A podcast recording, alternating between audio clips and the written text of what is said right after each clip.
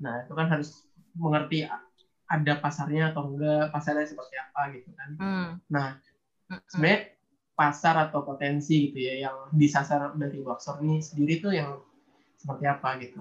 Apakah pasarnya cukup besar, apa pasarnya segmentasi, apa gimana? Oke, kalau dari vendor sendiri ya, uh, dari aku sebagai vendor dengan melihat kayak apa namanya laporan penjualan tiap bulan terus kayak ngelihat dari positioningnya box store-nya kayak kayak gitu aku bisa bilang banget kalau box store ini pasarnya segmented of course karena nggak semua orang merasa familiar dengan konsep belanja bawa apa packaging sendiri, bawa toples sendiri, kayak rempong sendiri gitu loh mau belanja. Padahal biasanya kita belanja tinggal ya udah tinggal bawa uang sama bawa diri aja gitu. Nah kalau di bulk store itu kan ya bawa kemasan sendiri kayak gitu. Nah segmentednya ini bisa dibilang ke tiga jenis orang kali ya. Yang pertama itu yang paham emang terkait zero waste, less waste, kayak kayak gitu yang emang punya concern sama kalau mereka beli di toko konvensional kayak gitu. Jadi mereka uh, merasa belanja di bulk store ini sesuai value mereka. Jadi mereka educated lah, educated enough untuk beli di bulk store gitu. Itu yang pertama. Terus yang kedua, dan menurutku ini penting banget ya, itu adalah warga sekitar. Mungkin nggak nggak hmm. semua bulk store bisa memenuhi fungsi ini, tapi menurut aku salah satu fungsi Backstore adalah edukasi gitu. Jadi uh, kalau ada Backstore itu kan setiap konsumen yang datang itu kan diedukasi untuk uh, belanja di Backstore tersebut, misal terkait uh, produk lokal yang sudah dikurasi, terkait apa namanya uh, jejak karbon tadi kayak gitu. Terus misal produk-produk dalam tanda kutip dalam tanda kutip hidden gem kayak kayak gitu. Nah, eh, dan siapa sih yang biasanya sehari-hari kayaknya yang possibly ke bulk store yaitu warga sekitar. Jadi hmm. kayak orang lewat itu apaan ya penasaran gitu kan dia pasti mungkin masuk atau kalau enggak yang uh, sehari-hari lewat masih penasaran, nggak berani nggak berani masuk. Tapi semisal ada event edukasi di sana terkait pemilahan sampah kayak kayak gitu, terus nanti warga sekitar jadi ikut masuk apa ikut mulai awalnya sih nggak belanja misal di bookstore-nya cuman ikut milah sampah aja di sana gitu. Tapi kan itu jadi awal yang baik kayak gitu. Dan uh, banyak bookstore yang emang men-encourage warga sekitar yang emang kerja sama-sama RT RW sekitar gitu untuk menjadikan tempat mereka sebagai bank sampah juga kayak gitu.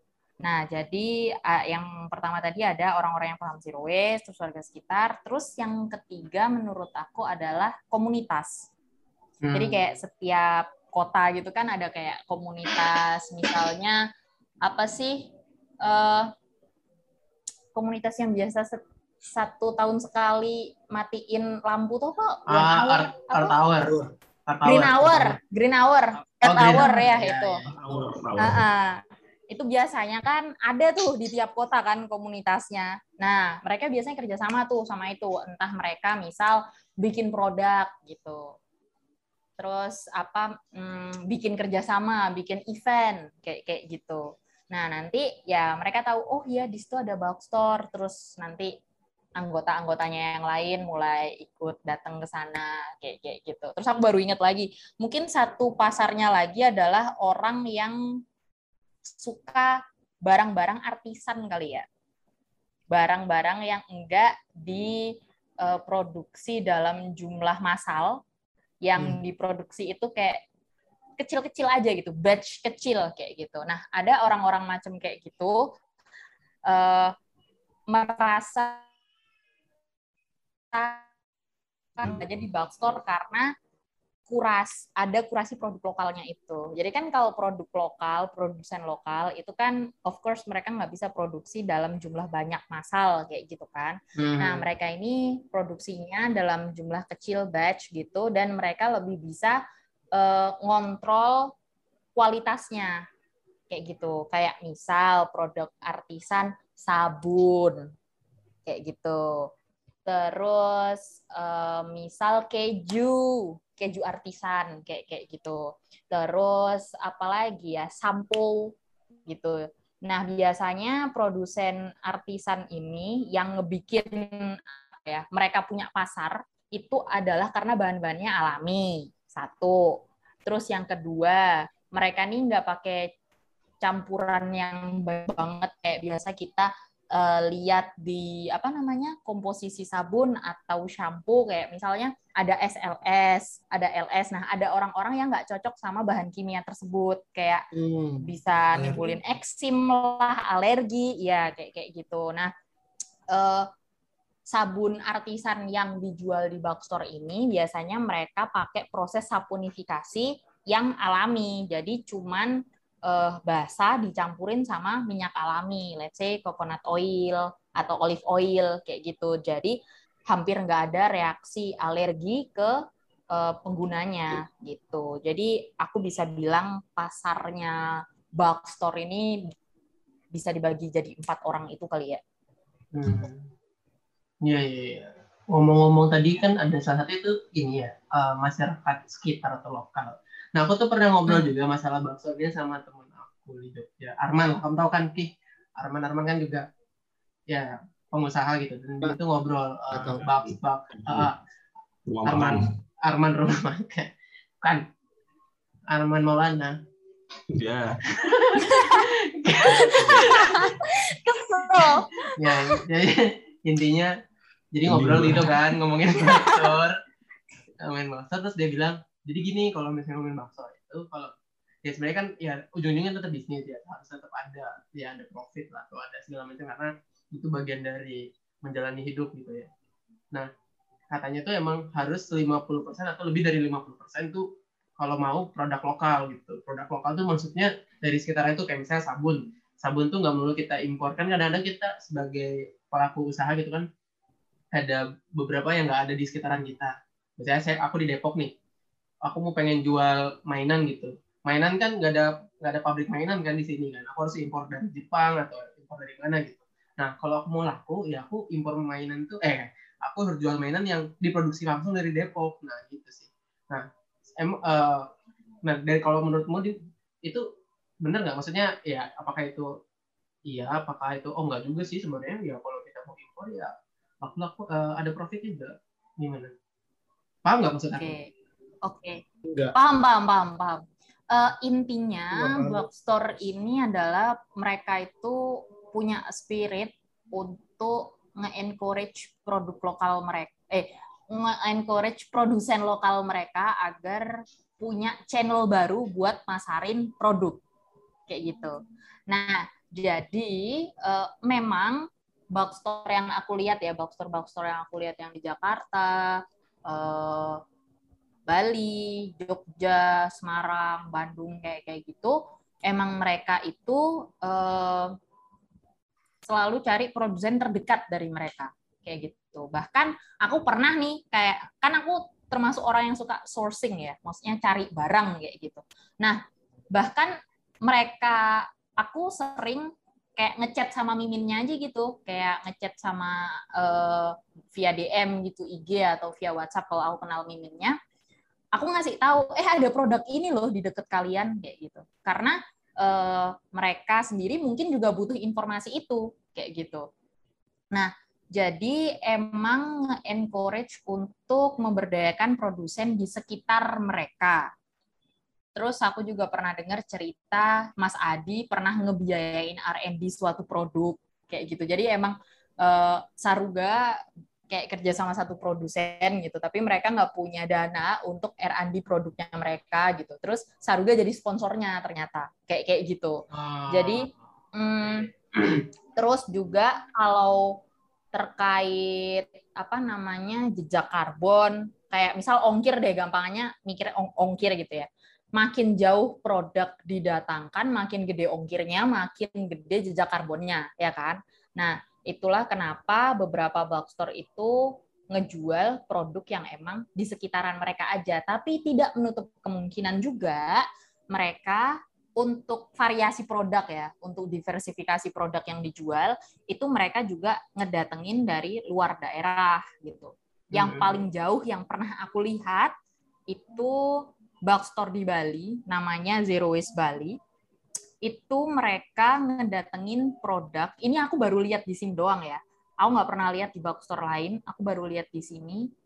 Deodoran. Deodoran bentuknya roll on gitu loh roll on biasa gitu. Cuman uh, kemasannya kayak high class gitu. Dia jadi dia pakai paper craft yang agak keras. Jadi dia masih bisa hold it shape. Jadi nggak lentur-lentur banget gitu loh. Jadi kalau digosokin ke ketiak nggak ikut meleot gitu loh. Nah, oh. menurutku ini bagus ya karena deodoran yang biasa dijual di bulk store itu yang biasanya bentuknya kayak balm gitu balm, balm kayak lipstick kayak balm yang iya tapi bentuknya kayak di buletan kecil tin tin tin can gitu loh yang agak susah aplikasinya gitu. Nah ini dia bentuknya deodoran roll on.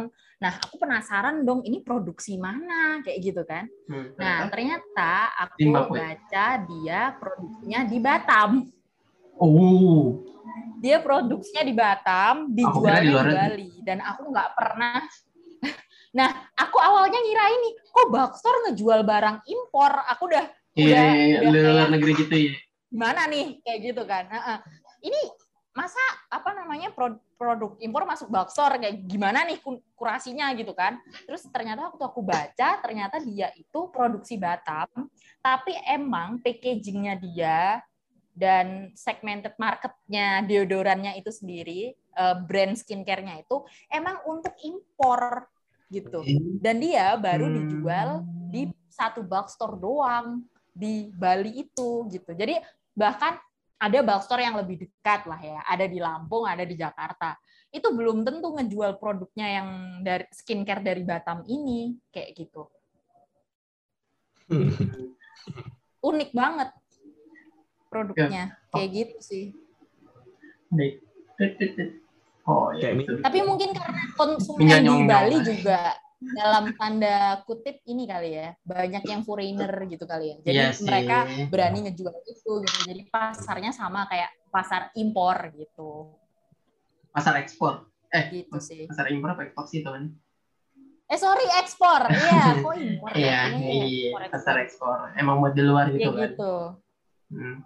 Uh -uh, oh, jadi Uh, as long as bookstore-nya uh, ada niatan untuk diversifikasi produk dan itu sesuai sama marketnya mereka, kayak misal yang di Zero Waste Bali banyak foreigner, aku pikir nggak ada masalah sih untuk uh, datengin produk yang dalam tanda kutip jauh kayak gitu. Pasti di sekitaran situ kan berarti maksudnya ya entah kota sebelah atau uh, warga-warga sekitar yang memang punya produk. Jauh Ben, Batam, Bali Ben. Di pulau sebelah. Batam itu di Sumatera Ben. Ya, iya, tapi, tapi kan ibaratnya kita kan ya, tahu dari masih di dalam masih ada dalam negeri gitu. Aku kira tadi iya. arahnya ke sana ke luar. Menarik jauh tuh yang carbon foot. Iya, menarik yang soal carbon footprint ini kan sebenarnya Hmm. Berbagai sektor. Gua ya, sebel banget Gua di sini semua resto menu ada carbon footprintnya sebel gue. Iya, ini kan sebenarnya di semua sektor sedang itu ya, sedang ke arah sana juga ya, gimana untuk hmm. uh, penilaian uh, emisinya kan sebenarnya kan semuanya ya nggak cuma harusnya kan nggak cuma di kita apa di sektor konsumen ya sebenarnya sektor-sektor industri pun sebenarnya sebaiknya kan sudah hmm. harus mulai uh, itu juga ya. Sebenarnya menarik sih sebenarnya ini. Cuman kalau dari sisi ini nih sisi saya sebenarnya bisa dibilang agak skeptis dalam artian begini. Gini mbak. Jadi uh, kadang saya cuma saya maunya simple gitu. Apalagi misal dekat rumah saya nggak ada yang uh, bookstore seperti itu ya ya udahlah. Daripada uh, jauh-jauh nyari mending yang, yang kayak deket yang ada gitu kalau misalnya kayak uh, sabun cuci sabun mandi kan ya udahlah ke Indomaret dan semacamnya. Nah, iya, iya. sebenarnya untuk encourage orang-orang seperti saya itu kira-kira gimana ya Maya? disadarkan atau atau gimana okay. soalnya kan maksudnya kadang saya aduh apain lah daripada jauh-jauh gitu kan Iya, iya, make sense. gitu. Kalau kata Iya, iya, masuk akal, masuk akal. Kata marketing teman-teman gue, Ki, berarti lu bukan pasarnya gitu aja, Ki. Iya. Oh iya. Iya juga sih. ini ini sih sebenarnya agak uh, perlu dilihat pakai kacamata objektif ya. Hmm. Karena gini, hmm, bahkan aku sebagai vendor yang bisa dibilang juga bookstore enthusiast gitu ya, hmm. aku bisa mengakui kalau gaya hidup zero waste, less waste, kayak mindful living itu mahal dan nggak semua orang bisa afford. Aku harus berani ngakuin itu kayak gitu karena dalam prosesnya aku diskusi bareng Bookstore, terus kayak misal sourcing sourcing uh, barang juga karena aku pengen apa pengen punya Bookstore one day kayak kayak gitu. Itu tuh emang nggak semua orang bisa afford itu. Bayangin gini, uh, misalkan misalkan tadi Kak Fakih mau beli sabun ya, mau beli sabun, alah yang deket Indomaret, ya udah beli aja gitu di Indomaret kayak gitu ya. Misal ada pun bookstore di deketnya Kak Fakih, aku bisa bilang belum tentu Kak Fakih beli di bookstore. Karena hmm. harga sabun di bookstore itu beda sama harga sabun satuan yang dijual di Indomaret. Hmm. Kayak gitu. Jadi kalau uh, tadi dibilang sama Kak Yanuar, ya lu bukan pasarnya aja. Itu jawaban singkatnya. Karena emang hmm. bener. Karena emang bener. Aku bahkan pernah nulis ya soal ini. Kayak eh, orang-orang itu cuman ada segmen orang-orang yang kalau punya uang ya mending dibeliin makan bergizi daripada mikirin itu sabun dibuat pakai olive oil kayak atau dibikin dari kelapa lokal dari mana kayak kayak gitu. Jadi mereka mending beli kayak sampo sasetan gitu yang lebih terjangkau menurut mereka dan uangnya dialokasiin buat makanan yang lebih bergizi. Tahu maksudku kan? Jadi nggak semua iya. nggak semua yeah. orang emang kalau kalaupun jarakmu deket ke bulk store, kamu belum tentu bisa beli di bulk store dan aku paham itu kayak gitu dan uh, kalau ditanya apa yang bisa kita campaignin ke mereka agar mereka beralih ke bulk store, aku pikir ini nggak cuma jadi PR dari bulk store sama vendor ya, tapi kayak banyak PR juga buat pemegang apa stakeholder yang lain kayak gitu. Ka, gimana caranya ngebuat bulk store itu lebih affordable kayak gitu. Hmm. Jadi orang nggak takut ke bulk store. Kayak orang yang ke bookstore sekarang mostly educated people, mostly yang paham kayak iya. gitu. Jadi kayak gue kalau apa ya, kayak udah kesingkir sendiri orang-orang yang misal awalnya penasaran sama bookstore terus tahu ternyata oh yang beli kayaknya orang-orang menengah ke atas deh. Mereka udah kesingkir sendiri kayak kayak gitu dan apalagi misal ya ada attitude uh, dari kalangan menengah ke atas yang misal mereka ngerasa lebih superior karena belanja di bulk store. Ada tuh orang kayak gitu.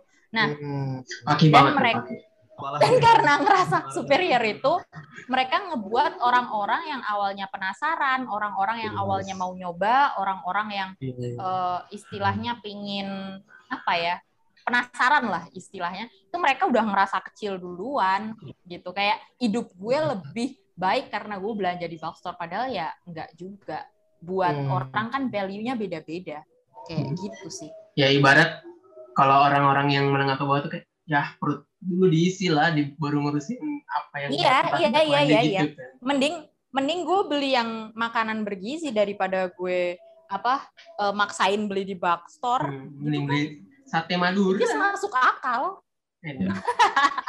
tapi menarik lah emang emang apa apa akhirnya sebenarnya bisa lebih mudah kalau stakeholdernya juga mendukung sih Iya betul. Yeah. Stakeholder siapa, siapa stakeholdernya ya? siapa nih yang siapa? Siapa ya, mau nunjuk siapa? Iya, maksud siapa? gua, maksud gua ya kalau simpelnya yang contoh yang udah pernah kita lihat yang berkait dengan ini tapi ya apa berkait dengan uh, less waste ya, bukan bukan hmm. soal bookstore-nya kan kayak eh, Jawa Barat gitu kan tiba-tiba dia ngeluarin nggak boleh plastik lagi sampai akhirnya kan Indomaret Alfamart semuanya ngikut tuh tanpa tanpa ada perlawanan gitu Jadi sebenarnya kalau mau jahat walaupun ekstrim banget ya, eh, bukan cara yang bisa bukan cara yang direkomendasikan buat ditempuh. Ya sebenarnya kalau kalau stakeholdernya ngerti dan memang punya punya misi di bidang zero waste tadi, bisa aja tuh sebenarnya Indomaret, Alfamart gitu beberapa produknya nggak usah semua lah beberapa produknya itu dibuat ya tadi dengan konsep uh, curah tadi dengan tujuan ngurangin apa ngurangin sampah Cuma ya, makanya emang eh, kalau kalau Fakih nih kan sebagai stakeholder di di Tolong Fakih sebagai stakeholder yang berhubungan dengan suatu. Tidak. Ya maksud gue gue lebih apa menekankan poin itu tadi. Sebenarnya kalau kalau orang lo apa pemerintah lokal ya mungkin uh, wali kota kali ya atau atau ya, gubernur hmm. yang gubernur RT. dukung. RT agak ya, susah. Ya RT RW juga bisa. Tapi agak susah nggak sih kalau RT RW karena kan iya. RT banyak dicibir sama tetangganya ya. Mm -mm. Bapak pengalaman. aduh, aduh. Saya yang mencibir Pak RT loh. Iya maksudnya itu. Oh. Gak mungkin kan Bapak jadi Pak RT. Ya itu sih. Ya, ya menarik. Karena emang emang mahal gitu produk, apalagi kalau emang bulk store-nya punya apa namanya misinya tadi itu ya yang ramah lingkungan, produk-produk ramah lingkungan uh, eh, gue pernah datang ke tempat di sini ada orang bikin desa orang bikin desa gitu. Jadi dia beli tanah terus uh, bikin desa sendiri. Egg of Empire gitu ya? Apa, apa? kayak Egg of Empire gitu ya? Egg of yes. Empire. Iya, konsepnya gitu tapi nggak perang ya Ya itu dia buat semua Sim City, Sim City. Kalau kita mau nginep di situ gitu, itu ada ada aturan dan memang semua produk yang mau sabun, sampo kalau mau dipakai di situ gitu kalau mau mandi itu harus harus yang apa bahasanya plan base. Dia bikin desa ya. bikin penginapan yang bisa. Gitu. Dan itu harganya plan mahal base. gitu loh. Itu harganya mahal dibandingkan mm -hmm. Pentin Prof Pentin hijab Han. Iya. itu Kesel banget. Entin Sunsley. yang hijab emang. Emang yang luar. Tapi, tapi worth it gak sih? Sebenarnya worth it gak sih kalau kita ganti produk gitu kalau menurut Mbak Dinar ya? Saya kan mhm. sebenarnya uh -huh. mulai mengubah nih ya, mulai mengubah nih ya. Oke, okay, oke. Okay. Oke. Okay. Dari dari yang tadinya produk-produk uh, yang itu tadi ya yang nggak halal ke halal. Kebalik dong dari halal ke non halal dong. lebih lebih menantangin seperti itu. Sebenarnya sebenarnya worth it nggak sih buat ngubah karena kalau masalah duit kan sebenarnya eh, gini ya konsep konsep kami di podcast ini kan kayaknya kalau gaya hidup kita berubah ntar uang juga datang sendiri deh gitu kan. Oh iya. Boleh boleh boleh boleh boleh boleh. Kamu to me. Kalau tingkat tinggi nih, tahu kalau tingkat tinggi. Iya, bismillah komisaris. Sok gitu. Worth it nggak sih Mbak Dinar untuk mengubah semuanya ke yang ramah lingkungan gitu? Oke, satu hal yang mungkin ini agak semacam prinsipal ya. Uh, menurut pemahamanku sendiri, saat kamu punya uh, dana lebih, hmm. itu berarti pilihanmu juga lebih banyak daripada yang nggak dananya berlebih. Ya. Kayak gitu. Nah, uh, kayak misal kamu punya uang sekian gitu kamu bisa milih beli sampo sasetan, beli sampo yang sekalian 2 liter untuk beberapa bulan ke depan, atau beli sampo per mililiter di store gitu. Tapi kalau kamu dananya dikit, ya kamu nggak bisa punya pilihan. Kamu pilihannya ya cuma beli sampo sasetan gitu doang kan. Nah, saat uh, seseorang uh, mutusin buat berubah gitu maksudnya kayak convert ya convert gitu ke ke produk-produk yang istilahnya plant based mungkin atau misal vegan vegetarian atau misal uh, memutuskan beli di bulk store aku nggak bisa bilang worth it hmm. karena hmm, value orang beda-beda. Dan aku pun nggak bisa memastikan pengalaman orang saat convert itu semua sama hmm. kayak gitu jadi uh, mungkin gampangnya gini kali ya uh, pengalaman convert yang kerasa banget di aku adalah convert ke men's cup Oh, oke. Okay. Nah, ini yang bikin bentar tertarik sebenarnya. Apa men's nah, cup? Oh ya ya ya. Men's cup, ya, men's ya, cup ya, ya. menstrual cup cup. ya gitu. Cup. Menstrual cup pengalaman Bukan. pengalaman convert yang paling apa istilahnya personal buat aku sendiri. Kayak misal kayak kalau beli makan itu kan ini ya apa namanya keputusan untuk convert kan diambil pas waktu mau makan. Oh aku mau makan plant based nih hari ini kayak itu. Keputusan diambil waktu itu. Tapi saat ganti men's cup itu kayak ngerasa komit seumur hidup gitu loh. Hmm. Karena hmm. karena ya hmm. emang yang pertama harganya mahal. Yeah. Kayak gitu ya. oh, ya. Mahal Terus itu toh. yang kedua, kedua ya benar sih. Istri saya punya. Bininya Paki nggak pernah cerita tuh. Tapi nggak tahu gue keluarganya ibarat, mahal. Ibarat kayak kita beli Gundam gitu ya. Oh, Gundam tuh mahal ya. gue pernah istri pakai tapi nggak tahu kalau ternyata itu mahal ya. Oh, tapi nggak tahu harga men's cup mahal nih. Kayak kayak harus komit seumur hidup gitu karena selain harganya mahal, yang kalau udah dibeli dan nggak dipakai itu istilahnya sayang, sayang banget. Uh -uh. Terus yang kedua juga lu ngapain beli kalau akhirnya lu nggak pakai kayak gitu loh kayak kayak komitnya setengah-setengah gitu. Jadi saat aku convert ke men's cup itu pengalaman convert paling personal. Tapi kalau dari pengalamanku itu worth it. Kayak hmm. gitu. Hmm. Jadi pengalamanku sendiri worth it ya, tapi aku tidak bisa menjamin pengalaman convert orang lain worth it. Kayak gitu loh. Hmm. Ya, ya, mungkin itu jawabanku sih gitu. Ya kalau men's cup setuju lah ya, karena emang emang. Nah lu pakai juga ya, jangan. Eh, tapi harus tahu loh at least kalian. Kalau tahu tahu. Tahu. Semuanya tahu. Semuanya tahu nih. Cuman Fakih aja yang. Emang nggak tahu harganya aja. oh iya, Men's Cup tuh nggak ada yang produksi lokal. Semuanya impor. Ih, potensi bisnis ih. Hmm. Iya iya iya iya iya. Uh, aku nggak tahu ya. Potensi karena... ekspor impor maksudnya ya. Bisnis uh, ekspor impor. Iya, gemblung bikin maksudnya. Kayaknya mending bikin sendiri sih. Bikin aku sendiri. dulu sempat kepikiran kayak lucu kali ya kayak bikin first local men's cup kayak gitu. Tapi hmm. pasti R&D-nya gede banget kan. Nah, hmm. men's cup yang aku kan sempet survei juga ya sebelum beli men's cup itu terkait ukuran, terkait kenyamanan, ketebalan kayak gitu macam-macam lah pokoknya yang aku survei. Nah, yang aku dapat info yang aku dapat uh, pengetahuanku dari survei itu adalah men's cup yang ada di Indonesia ini nggak ada yang produksi lokal. Yeah. Hmm. Oh, kesimpulannya itu. Semuanya impor. Mungkin that's why juga harganya mahal. Kayak kayak gitu. Oh, gitu Ki. Potensi. Potensi, potensi. Nah, tapi kalau misalnya itu kan ibaratnya satu orang satu kali beli berpuluh-puluh tahun ya. Jadi Iya ya. Perputarannya oh, kan iya. ini juga. Kita gua ngerti, gua ngerti. Ya. Kalau semua orang udah ya, punya tapi... kita waduh. Perusahaannya bangkrut ya. iya.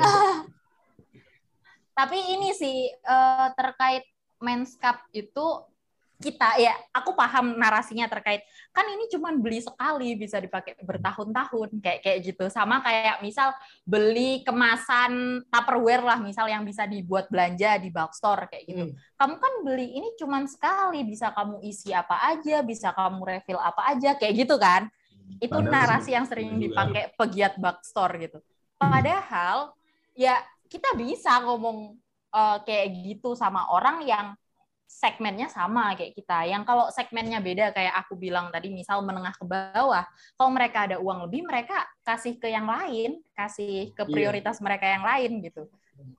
Di bakso gitu. Sebenarnya kalau kita kembali ke definisi awal backstore tadi sih sebenarnya kita uh, harusnya sih nggak nggak kita nggak apa ya kayak kita kan kayak dibilang tadi ya pasar itu kan sebenarnya backstore sebenarnya kan hmm. dari semua sisi itu kan sudah uh, semua kalangan lah punya tokonya masing-masing gitu lah ya. Punya tempatnya masing-masing untuk backstore itu lah ya ibaratnya ya. Kalau kita kembalikan ke definisi awal tadi. Gitu ya sebenarnya ya. Hmm. Iya iya iya benar. nanya apa pernyataan? Aku juga bingung.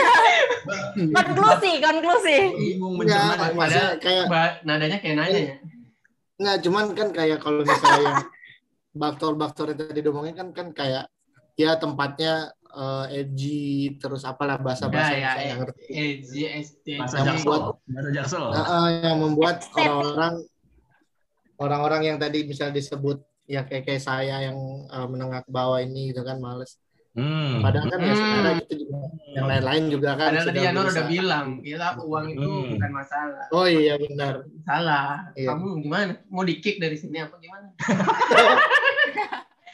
Ini nih orang-orang yang uang tuh nggak masalah. Siap, siap. Gimana lagi? Ya Ben, gimana lanjut lagi Ben? Masalah Ben. Sudah sudah hampir sejam nih Ben. Oh iya betul, udah udah maghrib nih Pak. Udah maghrib. maghrib ya di sana ya? Udah. Mungkin iya udah maghrib. Bisa diambil kesimpulan, tolong pakai disimpulkan. Eh, yang host apa melempar ya. Eh, hostnya kan saya nih. Eh, emang enak jadi moderator. Emang enak jadi moderator di podcast ini emang. Oh saya, anda oh iya. Tuh saya Sebelum ditutup dulu mungkin. Oh iya. Itu belum closing statement dulu dong Mbak Dinarnya Ben. Ah lu gimana sih? Sabar. Oh iya. Sebelum sebelum closing statement dan sebelum tutup ada ada mau nanya juga sedikit. Uh, kalau sebenarnya kan mengenai carbon footprint ini kan nanti uh, nggak apa ya berhubungan langsung juga dengan net zero emission ya uh, yang Aduh. Jadi yang setahu saya perusahaan-perusahaan tingkat dunia semacam Unilever juga kalau nggak salah mereka itu udah mulai berusaha komit untuk net zero emission di tahun tahun-tahun berapa ya 2050 apa kalau nggak salah. Nah berarti kan sebenarnya untuk kalau untuk perusahaan besar sebenarnya kita bisa optimis nggak sih mbak? Kira-kira nanti ke depan mereka bakal menyiapkan uh, lini khusus ya ibaratnya lini khusus untuk backstore backstore ini yang uh, lebih masif gitu. Gimana uh, ya pertanyaannya sih paling ya gimana sih perkembangan uh, backstore ke depan dan uh, dukungan dari industri-industrinya sendiri gitu, pemasok-pemasoknya sendiri ya sebenarnya gitu sih mbak. Gimana kira-kira mbak? Oke. Kalau dari interaksiku sama para owner bulk store ya, yang bisa aku lihat adalah ada beberapa owner yang emang mereka uh, tertarik sama kolaborasi sam bareng korporasi besar kayak Unilever kayak kayak kayak gitulah uh, kayak misal yang di toko organis Bandung juga mereka tetap beli dengan kemasan bulk kayak kayak gitu. Jadi mereka emang lampu hijau aja gitu kalau kolaborasi sama mereka. Tapi ada juga bulk store yang say no to them. Kayak gitu. Jadi emang benar-benar hmm. mereka tuh uh, pengennya lokal aja semua. Semua yang kita produksi eh semua yang kita jual di sini harus lokal hmm. harus lolos kurasi kayak kayak gitu. Ada hmm. yang strict kayak gitu bisa aku bilang. Nah uh, kalau masa depan bulk store sendiri bareng korporasi ini aku nggak bisa bilang banyak ya karena uh, concernnya dari korporasi besar ini adalah memang tetap uh, profit gitu. Hmm. Nah sedangkan bulk store ini uh, kiblatnya itu nggak cuma profit gitu, tapi juga ngejual value gitu. Hmm. Jadi hmm, kalau dibilang uh, gimana nih kolaborasi mereka ke depannya? Mungkin mungkin uh, korporasi besar bakal lebih banyak collab sama bulk store ke depannya, tapi uh, aku juga nggak menutup kemungkinan ada bulk store yang se memang sengaja menutup diri kayak gitu loh. Hmm. Jadi uh, kalau ditanya what it takes buat suatu bulk store tetap bisa sustain, tetap bisa bertahan kayak gitu ya.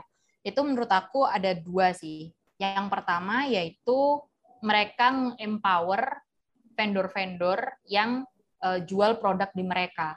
Kayak gitu. Kayak misal ngasih hmm. harga khusus atau misal ngasih R&D biaya R&D kayak yang dilakuin Saruga kayak gitu. Jadi nge-empower produknya itu yang pertama. Yang kedua adalah nge-emphasize value-nya gitu. Jadi kita harus sadar kalau Backstore ini emang beda sama korporasi besar yang cuman profit profit profit kayak kayak gitu kan. Nah, eh, kita juga harus emphasize value-nya kayak misal menjadikan Backstore itu pusat edukasi kayak misal ada jadi bank sampahnya, terus ada apa misalnya event-event bareng komunitas di sekitar yang Earth Hour tadi kayak misal kayak gitu. Terus ngejadiin juga diversifikasi produk. Jadi orang mau belanja apa aja tuh bisa one stop shopping gitu loh di bulk store nggak harus beli kayak ah, aku mau beli ini tapi nggak ada di bookstore ya udah deh aku entar ke Indomaret gitu. Nah biasanya itu aku tuh kayak gitu karena biasanya bookstore-nya belum lengkap. Nah padahal hmm. konsumen sebenarnya bisa ngasih semacam saran kayak gitu ke bookstore-nya eh tolong dong kamu cariin produk ini gitu. Nanti uh, bookstore-nya juga bakal ini sourcing apakah ada produsen lokal yang ngeproduksi barang ini kayak kayak gitu Terus paling ini sih pendampingan petani. Ini yang hmm. yang belum dibahas ya. Yang biasanya kan yang kayak aku tadi bahas pasar pasar itu kan salah satu jenis box store ya yang ngejual barang-barang basah kayak gitu kayak uh, apa namanya ya ya yang organik-organik kayak kayak gitu. Nah, box store itu sebenarnya juga bisa jadi pasar yang ngejual produk-produk basah gitu. Nah, tapi eh, biasanya mereka ini apa namanya petani itu kan biasanya punya eh, dinamika sendiri ya kayak misal eh, mereka ada udah perjanjian sama harus dijual di suatu pengepul tertentu kayak kayak gitu. Nah, semisal box store ini ngasih opsi eh, penjualan yang menarik ke petani, mungkin petaninya bisa convert jualan di box store aja gitu. Nah, itu bisa jadi salah satu lini yang diseriusin sih menurut aku biar bookstore-nya juga berkembang. Jadi orang tuh emang bener kayak aku mau beli sayur, oh bisa ada di bookstore. Aku mau beli sabun ada di bookstore gitu. Aku mau beli sampo ada di bookstore. Aku mau beli bahan makanan ada di bookstore gitu loh. Jadi one stop shopping pengalamannya itu. Gitu sih. Tujuan. Menarik, menarik. Oke. Udah Ki? Puas? Sudah, sudah, sudah. Oh, udah. Sekalian closing statement kali ya, kali dari Dinar. Sebelum ke kesimpulan, nanti Fakih aja yang bikin kesimpulan. Iya. Eh, closing. Apa tadi udah cukup menjelaskan? Aku, aku, ya. uh, aku ya. Um, paling closing statement dari aku adalah kalau kita, uh, kalau kita atau kamu punya kesempatan untuk memilih karena emang kita dikasih sumber daya yang bisa milih dalam tanda kutip dana itu tadi yang aku bilang uh, pilihlah yang uh, yang nggak cuman mikirin diri sendiri gitu itu sih hmm. iya yeah, mana paham gak ki itu kayaknya itu doang iya oke okay. jangan mikir diri sendiri ya, tahu kamu tuh uh, iya. mungkin ya Harga mes istri nggak tahu. Iya, nggak nggak care banget. iya, nggak apa Nggak apa-apa lah Ben mandiri. Dia sudah mandiri. Waduh, waduh. Terus, kamu ngomong tadi? Ya udah gimana? Balikan ke host kamu tutup Ben. Lo kan ini tuh lo summary. Kenapa? Iya summary Bapak Ben taruh saya. Iyalah. Anda nyuruh saya sebagai host. Gampang Ki, kesimpulan biar pendengar yang menyimpulkan sendiri gitu Ki. Iya, kesimpulan, kesimpulan dari Anwar okay. seperti biar itu. kedengeran wise gitu. Iya. Kesimpulan eh, dari saya ya perhatikan ya bolehlah tanya-tanya harga barang yang dipunya istri lah ya. boleh, boleh, boleh, boleh. Eh, menarik. Ya karena kan ya ya ya. Ya pada intinya tadi uh, kalau memang kita punya uang lebih tadi kan sedekah bisa kita gunakan untuk hal-hal yang bermanfaat gitu ya oh, gitu. yang tidak untuk diri sendiri yeah, yeah. dalam hari ini ya sebenarnya ada banyak jalannya dalam hal ini karena kita sedang berbicara mengenai backstore bisa lah kita mencoba coba ya uh, preferensi kita kita uh, alihkan ke yang lebih ramah lingkungan sebisa mungkin gitulah kira-kira ya yeah. uh, mungkin kalau kita ini uh, pembahasan hari ini sebenarnya Ben nanti kita bisa bercabang-cabang lagi mungkin kapan-kapan uh, hmm. dengan Mbak Dinar atau dengan yang lain bisa kita omongin lagi sih sebenarnya bisa, bisa. bagi saya sih ini salah satu yang menarik ya.